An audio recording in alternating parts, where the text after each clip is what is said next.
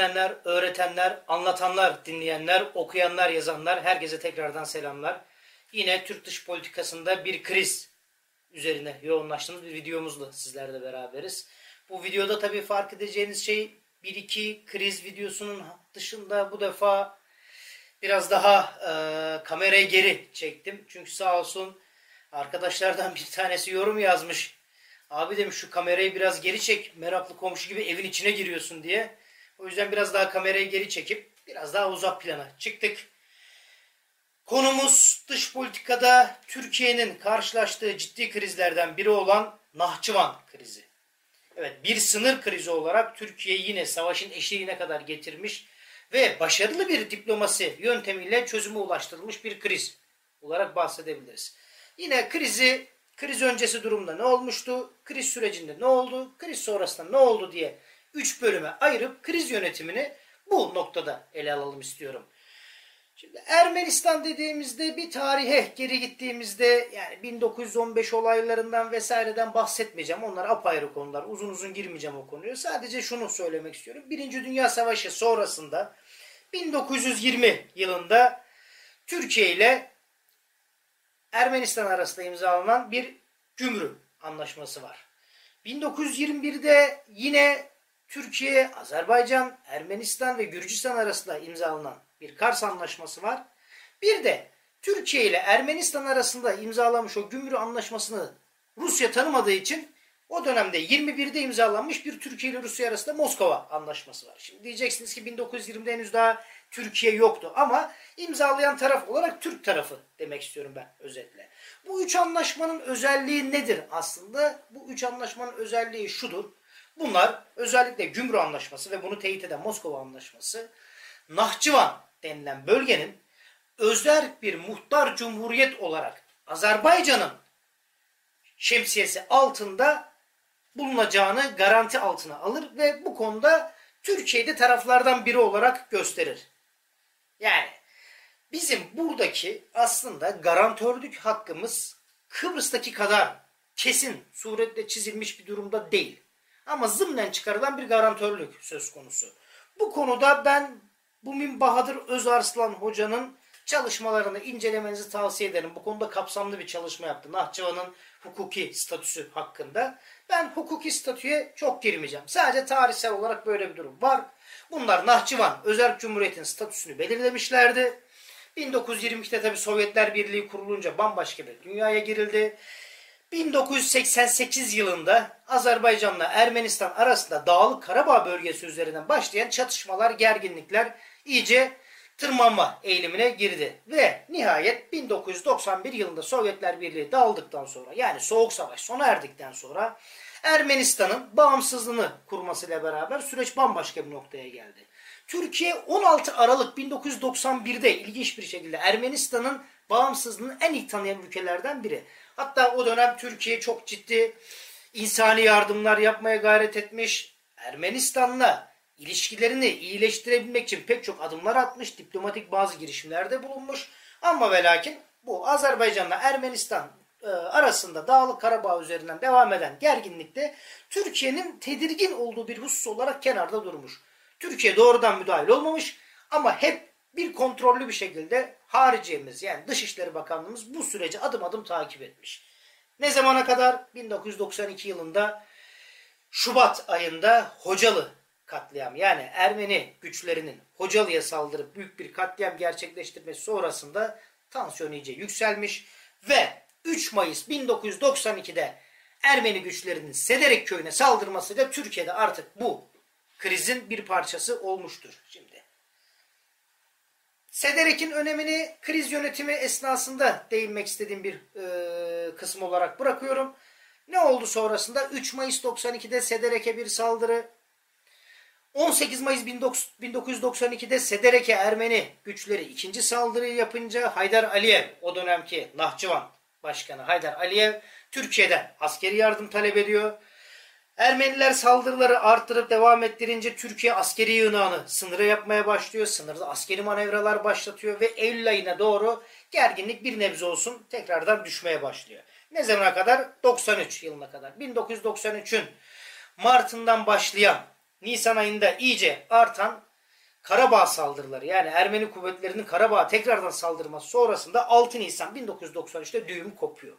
Ve nitekim Türkiye yeniden askeri yığınağa başlıyor. 7 Nisan sert açıklamalar yapıldığı tarihler 17 Nisan Turgut Özal'ın vefatı, 16 Mayıs Demirel'in resmi olarak Cumhurbaşkanı seçilmesi ve bu süreçte yine inişli çıkışlı bir süreç var. Türkiye askeri yığınak yaptıkça Ermenistan kuvvetleri geri adım atıyor, sakinleşiyor. Türkiye askeri yığınak yaptıkça Ermeni kuvvetleri geri adım atıyor, sakinleşiyor. Ne zamana kadar? 1994 yılında Haziran ayında yeniden Günnet köyüne ee, ve Şuşa köyüne bölgesine Ermeni kuvvetlerin saldırısı olunca Türkiye yeniden yığınağını arttırıyor. 1996 Şubat'ında Yereşevan bölgesinde yapılan Ermeni saldırı sonrasında tekrardan ortalık karışıyor. Türkiye tekrardan yığınak yapıyor ve bu inişli bir çıkışlı seviyede devam ediyor. Bu krizin Türkiye açısından kriz yönetimi noktasında önemi nedir peki? Ona bakacak olursak aslında. Burada birkaç tane önemli hususu ısrarla vurgulamakta fayda var ama öncesinde bizim kriz metodolojimiz neydi? Dönemin uluslararası gelişmelerine bakmak.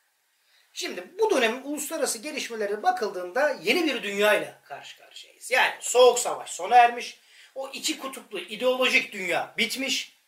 Onun yerine yeni dünya düzeni diye adlandırılan bambaşka bir dünyaya girilmiş. Yani Fukuyama'nın tarihin sonu dediği, Samuel Huntington'ın medeniyetler çatışması başladı dediği aslında Amerika Birleşik Devletleri'nin ve Batı İttifakı'nın, NATO İttifakı'nın Doğu blokuna karşı zafer kazandığı, galibiyetini ilan ettiği yeni bir dünya.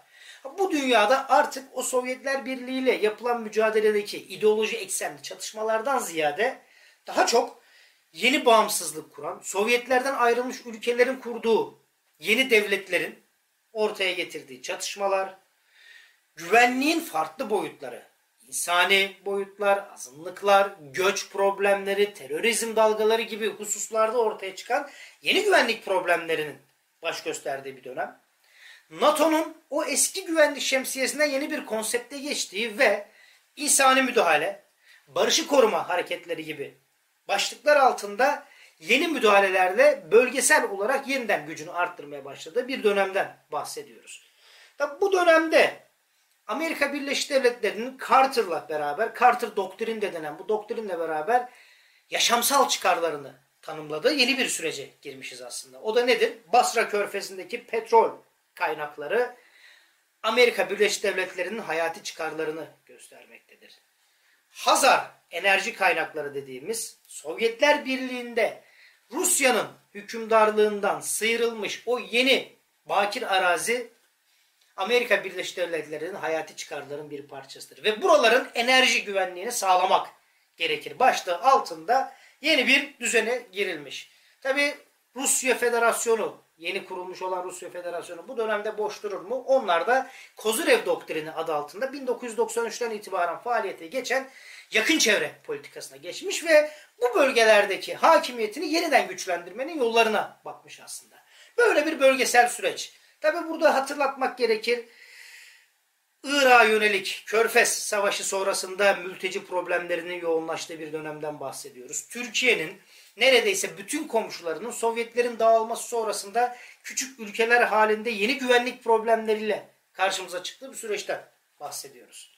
Peki iç politikada bu dönemde nasıl bir gelişme var diyecek olursanız 1980 askeri darbesinin üzerinden 10 yıldan bir miktar fazla süre geçmiş. Çok farklı bir iç dünyaya uyanmışız. Ekonomik olarak çok istikrarlı bir dönemden bahsedilemez. İç politikada güvenlik eksenli sıkıntıların çok yoğunlaştığı bir dönem. PKK diye bir terör örgütüyle karşılaşmışız ve bütün iç dünyamız bizim güvenlik ekseninde kurulmuş. Bir yandan Irak'tan göç eden mültecilerle uğraşırken bir yandan Körfez Savaşı'nın bir sınır ülkesi olarak güvenlik kaygılarıyla devam ederken bir yandan da PKK ile mücadele etmek zorundayız. Nitekim bu sürecin ilerleyen döneminde Şükrü Elekdağ'ın öne sürdüğü iki buçuk savaş stratejisi de gündeme girmiş. O bir sonraki dış politika krizimizde inceleyeceğimiz bir husus olarak kalsın. Bunların hepsini bir kenara koyduk. Yani şu demek askeriyenin gerçekten güçlü olduğu bir dönem. 80 darbesi yapılmış. PKK ile mücadele başlığında silahlı kuvvetler tam saha her yerde mücadele eden bir unsur olarak gayet iç politikada da yüksek prestije sahip bir pozisyonda. Ve bu dönemin yöneticilerine bakarsak ilk başta kriz başladığı dönemlerde Turgut Özal'ın Cumhurbaşkanlığı, Süleyman Demirel'in de Başbakanlığı mevcut. Ama bu defa Süleyman Demirel ilginç bir şekilde Soğuk Savaş dönemindeki o sağ hükümetlerle kurduğu milliyetçi cephe iktidarlarından, koalisyonlarından ziyade Grand Coalition denen yani Sosyal Demokrat Halkçı Parti ile beraber kurduğu yani sol bir partiyle kurduğu hatta bir zamanlar ezeli rakibi olan İsmet İnönü'nün oğlu Erdal İnönü'nün başkanlığı yaptığı partiyle bir koalisyon kurmayı tercih ediyor. Çok daha farklı bir dönem. Hatırlarsanız 80 öncesinde silahlı kuvvetler daha doğrusu darbeyi yapan generaller tarafından Demirel en çok neyle eleştirilmişti? Ecevit'le uzlaşmamakla eleştirilmişti. Ondan ders almış olacak ki bu defa kurduğu koalisyon sol bir partiyle kurulmuş vaziyette. Devam ediyoruz. Bunları bir kenara koyduk ve kriz yönetimine bakıldığında neler karşımıza çıkıyor? Burada birkaç tane tarihe değinmekte aslında fayda var. Nedir? Birincisi 3 Mayıs 1992 dedik. Yani Ermeni güçlerinin Sederek köyüne saldırı. Sederek'in stratejik önemi şu. Sederek Nahçıvan'la Türkiye'yi birleştiren sınırdaki köydür. Yani siz Sederek'i eğer ele geçirirseniz Nahçıvan'la Türkiye'nin arasındaki bütün bağı koparabilirsiniz. Ve o saldırı gününe kadar hep temkinli olan Azerbaycan'la Ermenistan arasındaki mücadelede tarafsız gibi görünüp olayı dikkatle takip eden Türkiye artık Ermeni güçlerinin niyetinin farklı olduğu kanaatine net bir şekilde ulaşmış ve müdahale etme isteği ve ihtiyacı duymuştur. Tabi burada biraz geri gittiğimizde şunu da görmekteyiz.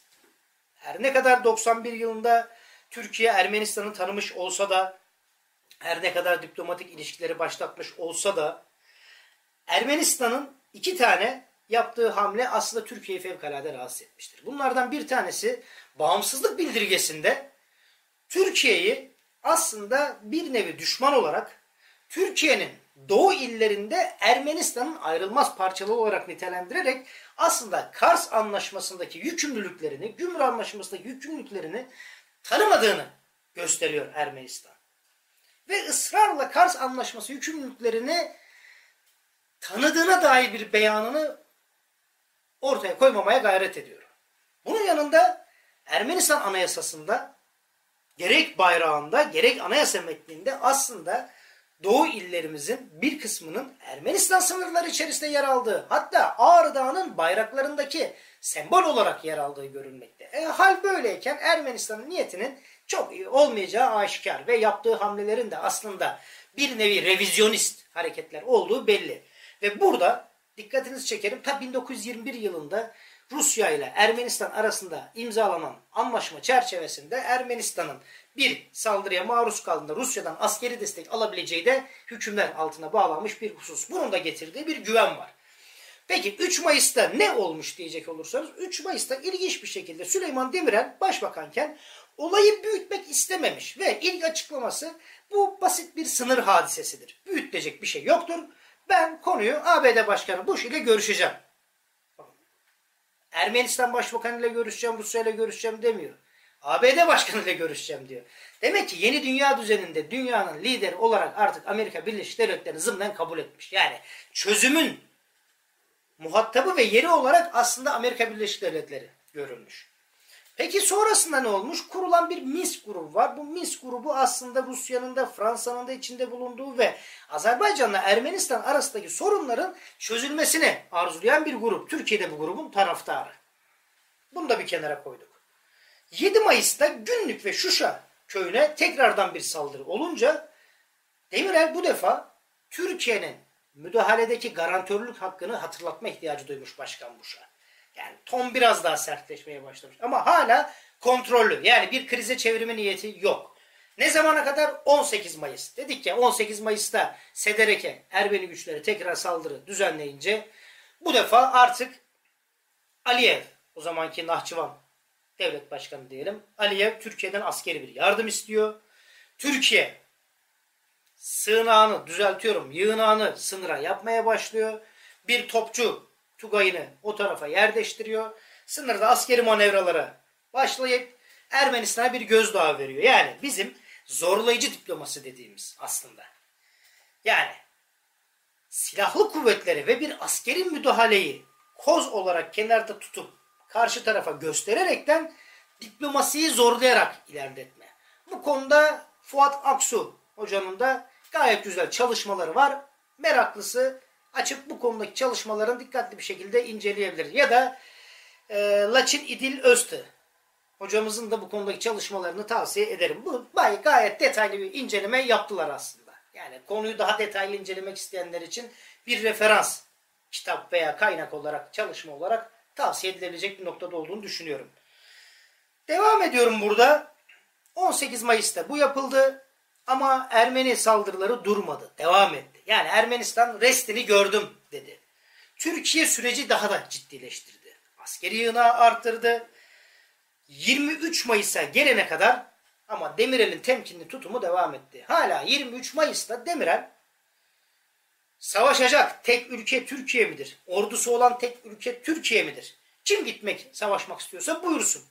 Meydan orada diyerekten aslında Türkiye'yi savaşın içine itmemeye gayret etmiştir. Ve meclis başta olmak üzere iç medyada, iç kamuoyunda fevkalade eleştiri odağına oturmuştur. O dönem herkes Demirel'i pasif kalmakla suçlamıştır. Ama ona rağmen Demirel'in adım atmadığını görmekteyiz. Daha doğrusu krizi tırmandıracak bir hamle yapmadığını görmekteyiz. Hatta Cumhurbaşkanı Özal bile sırf Demirel'e muhalefet de olsun, iç politikada da bazı hesaplara dikkat alaraktan gayet sert açıklamalar yapmış ama Demirel geri adım atmamıştır. Hatırlatalım o dönem Dışişleri Bakanı'nda Sosyal Demokrat Halkçı Parti'den milletvekili seçilen Sayın Hikmet Çetin.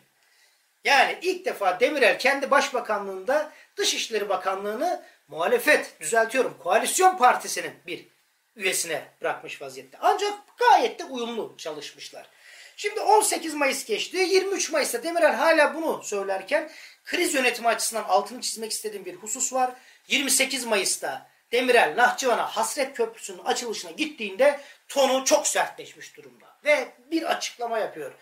Her kim ki güç kullanarak, kuvvet kullanarak sınırları değiştirmeyi düşünüyorsa bilsin ki ondan daha fazla kuvvet kullanacak ülkeler de vardır. Yani aslında zımnen Ermenistan'a sen güç kullanarak bir şey değiştireceğini düşünürsen Türkiye'nin kullanacağı gücü gördüğünde aklın şaşar demeye getiriyor. Peki Demirel'deki bu keskin dönüş nedir aslında? Burada şunu söylemek gerekir. 25 Mayıs'ta Demirel'in bir Moskova ziyareti var. Evet, Demirel yaptığı Moskova ziyaretinde ne olduysa bir anda tonunu sertleştirme ihtiyacı hissetti. Ne olduysa sorusunu ben Sayın Hikmet Çetin'e sordum. Ve Hikmet Çetin de şu ifadeyi kullandı. Dışişleri Bakanlığımızla çalışma yaptık. Ve Moskova'ya bir ziyaret gerçekleştirip Ermenistan konusunda Rusya'nın desteğini alıp ondan sonra hamle yaparsa bizim için daha faydalı olur. Ve Moskova dönüşünde nitekim Demirel'in ben istediğimi aldım deyişi de Sayın Çetin'e aslında bunu destekler niteliktedir. Ve ne oldu? Ha şunu da söylemekte fayda var. Bu ifadenin yer aldığı bir kaynak da Aydın Şıhman Tepe'nin Süleyman Demirel'e ilişkin hazırladığı bir kitabı. Aslında doktora tezinden e, türettiği bir kitap var. O ifade orada da geçiyor. Oradan da bir alıntı yapmış olalım. Ancak ben bunu tekrardan Hikmet Çetin'den de teyit ettim.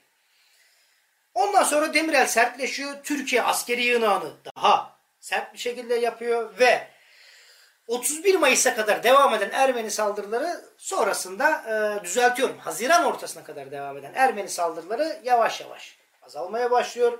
Nitekim Roma konferanslarıyla beraber sürecin nasıl şekilleneceği görüşme altına alındığında Eylül ayına doğru tamamen artık çatışmalar dinmiş vaziyette. Ne dedik? Ta 93 yılına kadar. 7 Nisan 1993 unutmayın. Bu gün neden önemli? 7 Nisan 1993'te yine kriz yönetimi açısından bir iki başlık söz konusu. O zaman Cumhurbaşkanı Özal Kırgızistan'da, Bişkek'te meşhur Orta Asya turuna çok uzun soluklu bir Orta Asya turuna çıkmış. Türk Cumhuriyetleri turuna çıkmış. 7 Nisan'da Bişkek'te Özal'ın çok sert bir açıklaması var. Her ne kadar Demirel tonu yumuşatmaya gayret etse de Özal Ermenistan sınırında bir iki manevra yapsak kazara bizim bir top mermimiz Ermeni Ermeni sınırına düşse ne olur diyerekten aslında Ermenistan'ın üstü kapalı tehdit etmektedir. Şimdi neden bu ifadeyi kullandı? Çünkü 92 yılındaki saldırılarda Ermeni saldırılarından birinde Şaror kaymakamlığına düşmüş bir top mermisi var. Yani Türkiye sınırına çok yakın. Yani bu şu demek aslında. Şaror'a bir top mermisi düştüyse pekala Türkiye'nin içine top mermisi düşürüm demek. Aslında Özal'ın gönderdiği referans biraz oraya. Yani aynı misillemeyi ben de yaparım. Pasif kalmamak lazım diyor. Ama her ne oluyorsa 14 Nisan'da yani Özal'ın Azerbaycan ziyareti sonrasında Özal'ın bütün söylemi değişiyor ve bir anda Demirel'le aynı söyleme geliyor. Ve Özal bir anda şu ifadeyi kullanıyor. Bizim Azerbaycan'a manevi destek sağlamaktan başka bir görevimiz olamaz. Herkes kendi savaşını kendi verir. Azerbaycan da kendi savaşını vermeli. Ha ben burada şu çıkarımı yapabilirim. Demek ki Azerbaycan'da Haydar Alev'le yapılan görüşme sonrasında Özal'a şu dendi. Sayın Cumhurbaşkanı lütfen bu konuda sert açıklamalar yapmayın. Zira Türkiye'nin olaya sert açıklamalar dahil olması Ermenistan'la Azerbaycan arasındaki problemi daha da derinleştiriyor.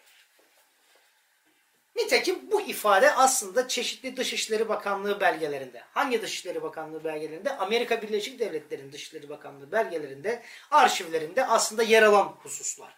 Ve Petrosyan başta olmak üzere Ermenistan sürekli Türkiye'yi bu konuda suçluyor. Yani biz Azerbaycan'la problemlerimizi çözeriz. Ama Türkiye müdahale ettiği için süreç başka yere gidiyor. Hatta öyle bir noktaya geliyor ki artık Ermenistan Rusya'dan askeri yardım bile istiyor. Türkiye'nin bu saldırıları devam ederse Ermenistan'dan askeri yardım, düzeltiyorum Sovyetler Rusya'dan askeri yardım isteriz açıklaması bile yapılıyor.